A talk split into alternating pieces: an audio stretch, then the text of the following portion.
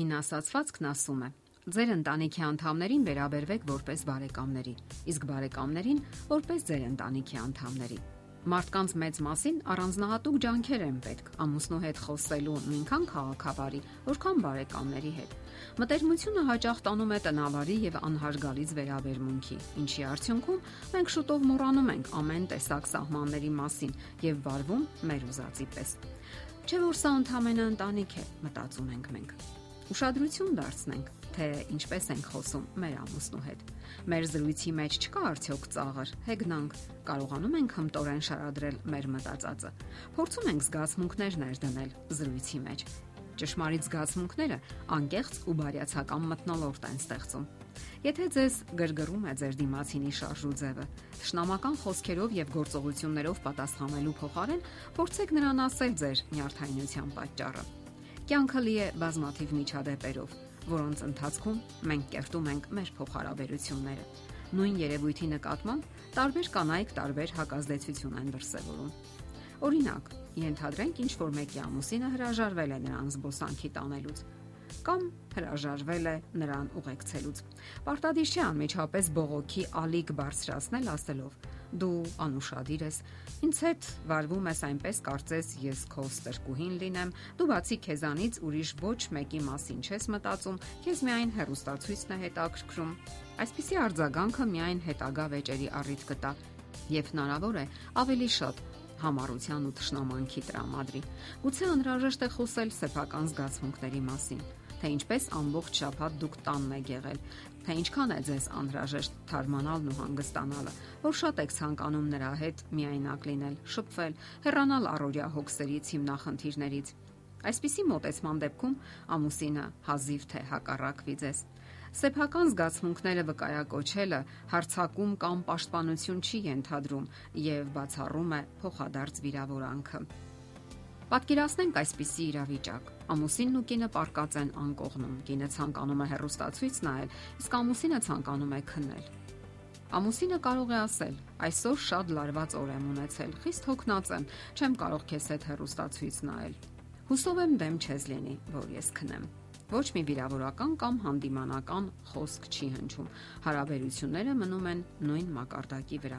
Սակայն կան ամուսիններ, որ տուն գալուն պես բարիկադավորվում են օրվա թրթերով։ Կինը առանց լարվելու ասում է. Այսօր երեկոյան ես բավական ազատ ժամանակ ունեմ։ Ուզում եմ մի քիչ զբաղվենք, զրուցենք, շփվենք։ Անձնական ապրումները վկայակոչելը երբեմն ցնցող արդյունքներ է տալիս։ Ամուսինները հաճախ են զարմանում իմանալով, թե իրականում ինչ է զգում դիմացինը այս կամ այն իրավիճակում։ Հաճախ ի պատասխան նրանք կարող են ասել. Ես նույնիսկ չգիտեի, որ դա այդքան տհաճ է քեզ համար, կամ նույնիսկ չգիտեի, որ դա այդքան հաճելի է քեզ համար։ Մենք իսկապես հաճախ ենք թերագնահատում դիմացինի ցանկությունը, լինելու ավելի ուրախadir եւ ավելի սիրալիր։ Եթե դուք իսկապես ցանկանում եք, որ դիմացինը հասկանա ձեր զգացմունքները, նորից ու նորից պետք է փորձեք անմիջական շփման գնալ այնքան ժամանակ, մինչև հասնեք փոխհմբռնման զրույցը եւս արվեստ է, որն ունի իր կանոնները, եւ այդ արվեստի մեջ հմտանալու համար ժամանակ ու ջանքեր են պետք։ Ցավալի է, սակայն ժամանակի ընթացքում շատ ամուսնական հարաբերություններ սկսում են սարչել Զույգերն այնքան քիչ ժամանակ են տրամադրում միմյանց հանդարտ զրույցներին, որ սկսում են մոռանալ, թե ինչ զգացմունքներ են տածել միմյանց հանդեպ նախկինում։ Այս դեպքում հարկավոր է չմոռանալ հումորի մասին։ Հիշեք անցյալի կատակային ծիծաղաշարժ պատմություններ։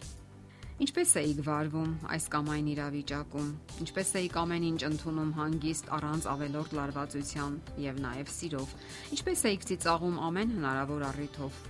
Իսկ ինչու այժմ այդպես չէ։ Իմացեք, որ մարդը միշտ պետք է պահպանի հումորի առողջ զգացումը, երիտասարդ ու կայտար մնալու, կյանքին թեթև նայելու համար։ Ժամանակ առ ժամանակ հարկավոր է կատակներ անել, անկեղծանալ, զվարճանալ։ Մի մտածեք, որ դուք արդեն մեծացել եք կամ որ ավելի վատ է, ծերացել եք։ Անznագրային տարիքը ընդհանրապես թղթի վրա գրված թվանշան է, որը կարող է ոչինչ չարտահայտել եւ ընդհանրապես աշխատեք օգտագործել ձեր խոսքի ուժը համեմված սիրով։ Իսկ միգուցե այս պատմությունը օգնի ձեզ։ Ֆրանսիացի մի գրող խմում էր իր թեյը բուլկին թաթախելով թեյի մեջ։ Ծանոթ բույրը մայրական խոհանոցի մասին հիշողությունների հեղեղ առաջացրեց նրա մոտ։ Արդյունքում նա գրեց իր մանկության հիշողությունները. 1000 էջից բաղկացած մի գիրք, որը դարձավ դասական գրականության նմուշներից մեկը։ Ահա այս նույն ձևով դուք կարող եք հիշել, թե ինչպես եք մի ժամանակ նայում ձեր ամուսնուն.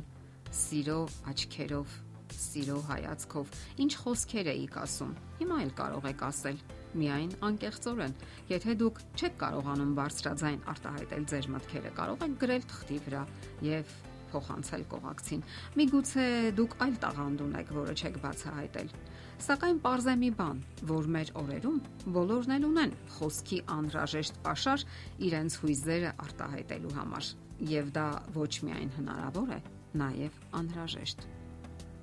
Եթերում ընտանիք հաղորդաշարներ։ Ձեզ հետ է Գեղեցիկ Մարտիրոսյանը։